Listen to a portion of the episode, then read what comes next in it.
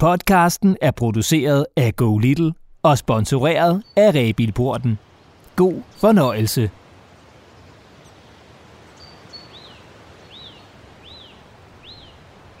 Kan du høre det? Vi er i en skov. Nærmere bestemt i Roldskov i den nordlige del af Jylland. Og det er med at gå fremad med forsigtige skridt, så vi ikke larmer for meget.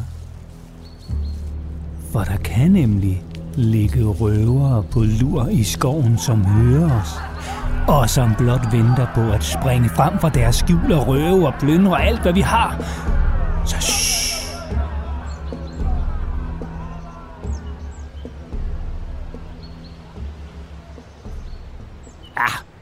Sådan er det selvfølgelig ikke i virkeligheden. Og i dag kan du trygt gå en tur i den hyggelige Roldskov med din mor og far. Men i gamle dage holdt en berømt og berygtet røverbande til i skoven, hvor de med alverdens beskidte knep og lumske røvertricks røvede og stjal alt, hvad de kunne, fra de intet anende folk, der kom gennem skoven. Og nu skal du få historien om røverne fra Rold.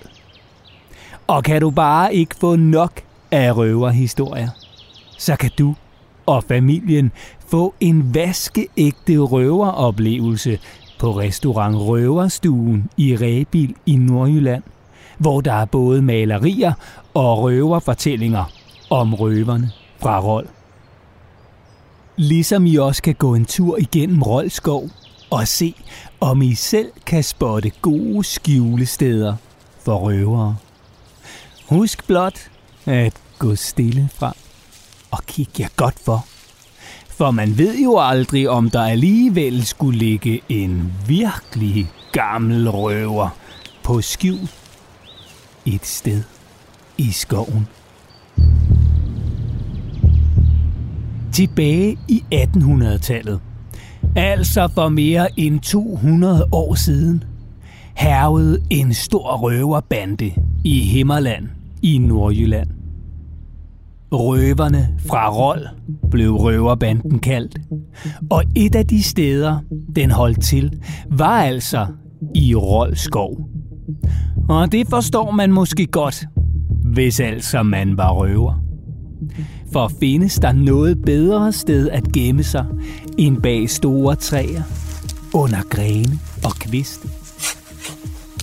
Eller i huller i jorden? Næppe. Nå, men røverne fra Rold brugte altså skoven som skjulested. For udover træer, buskads og krat, så er der i Roldskov også nogle store jordfaldshuller, der fungerede perfekt som skjulested for røverne i gamle dage. Og et jordfaldshul, mere det er faktisk ret meget, som navnet antyder. Et hul i jorden, hvor jorden er faldet ned. Og nu lyder jeg måske lidt som din naturtekniklærer, men altså... Når regnvandet siver ned i jorden, er det med til at oplyse kalken i undergrunden. Der opstår langsomt et hulrum under jorden, og bum! Pludselig en dag falder jordloftet ned, hvor der er opstået et jordfaldshul. Nå, men et af jordfaldshullerne i Roldskov hedder Røverstuen. Og det er med sine 12 meter i dybden og 35 meter i diameter, altså længden fra den ene side af hullet til den anden side, et af de største jordfaldshuller i skoven. Og dermed var det også det perfekte gemmested for en røverbande. Jordfaldshullet Røverstuen lå tæt på vejen Roldvej, der dengang i gamle dage gik gennem skoven og blev brugt, når lokale folk og købmænd skulle fra den ene by til den anden. Og så gjorde røverne sig klar til at røve og plyndre. De spændte snore hen over vejen og ned til hullet, hvor de gemte sig.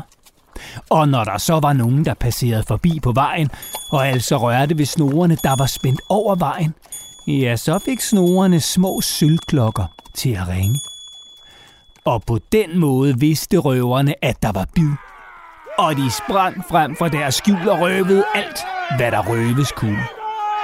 Så skulle man fragte kostbarheder fra et sted til et andet, så var det en god idé at lægge vejen uden om Rolskov. Gisp. Røverbanden Røverne fra Rold bestod af mange røvere.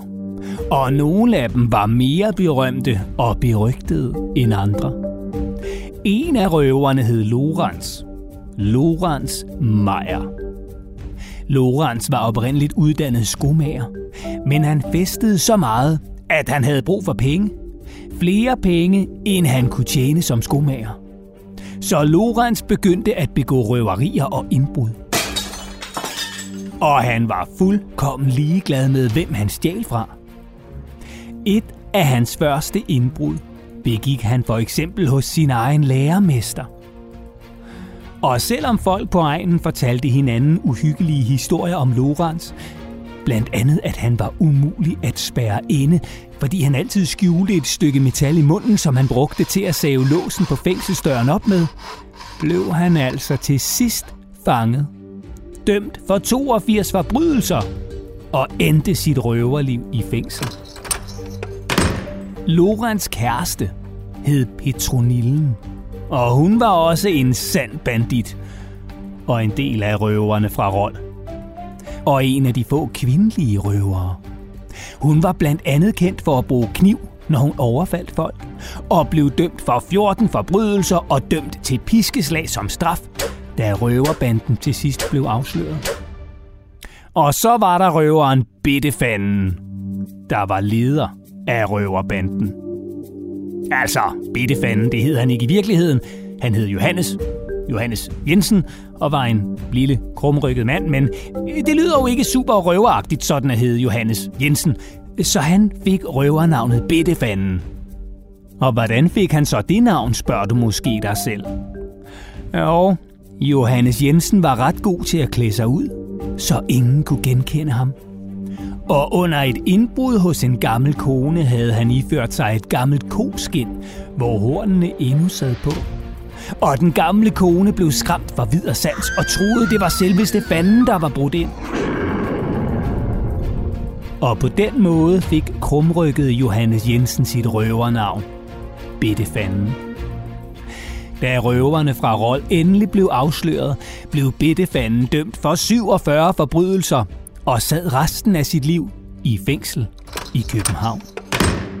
Og med Lorenz, Petronillen, Bittefanden og en masse andre røvere bag lås og slå, var det endelig slut med den berygtede røverbande Røverne fra Rold. I dag er der altså ikke flere røvere tilbage i Roldskov men du kan stadig besøge skoven med din familie og se røverskjulestedet Røverstuen med dine egne øjne. Ligesom du også kan komme på guidede ture rundt i skoven sammen med din familie. Og bestille et vaskeægte røveroverfald. Og så kan du prøve at spotte gode skjulesteder, hvor du måske ville gemme dig, hvis du var røver. Og når I så har været på røvertur gennem skoven, så kan I jo slutte dagen af med et besøg på restaurant Røverstuen i Rebil, hvor I kan spise god mad, se røvermalerier og høre flere spændende røverhistorier om de snu og barske røvere fra Rold. Det var historien om røverne fra Rold. Og vil du høre flere historier om seje steder i Rebil og omegn, kan du finde flere historier på rebilporten.dk. Rigtig god fornøjelse. Podcasten var produceret af Go Little og sponsoreret af Rebilporten.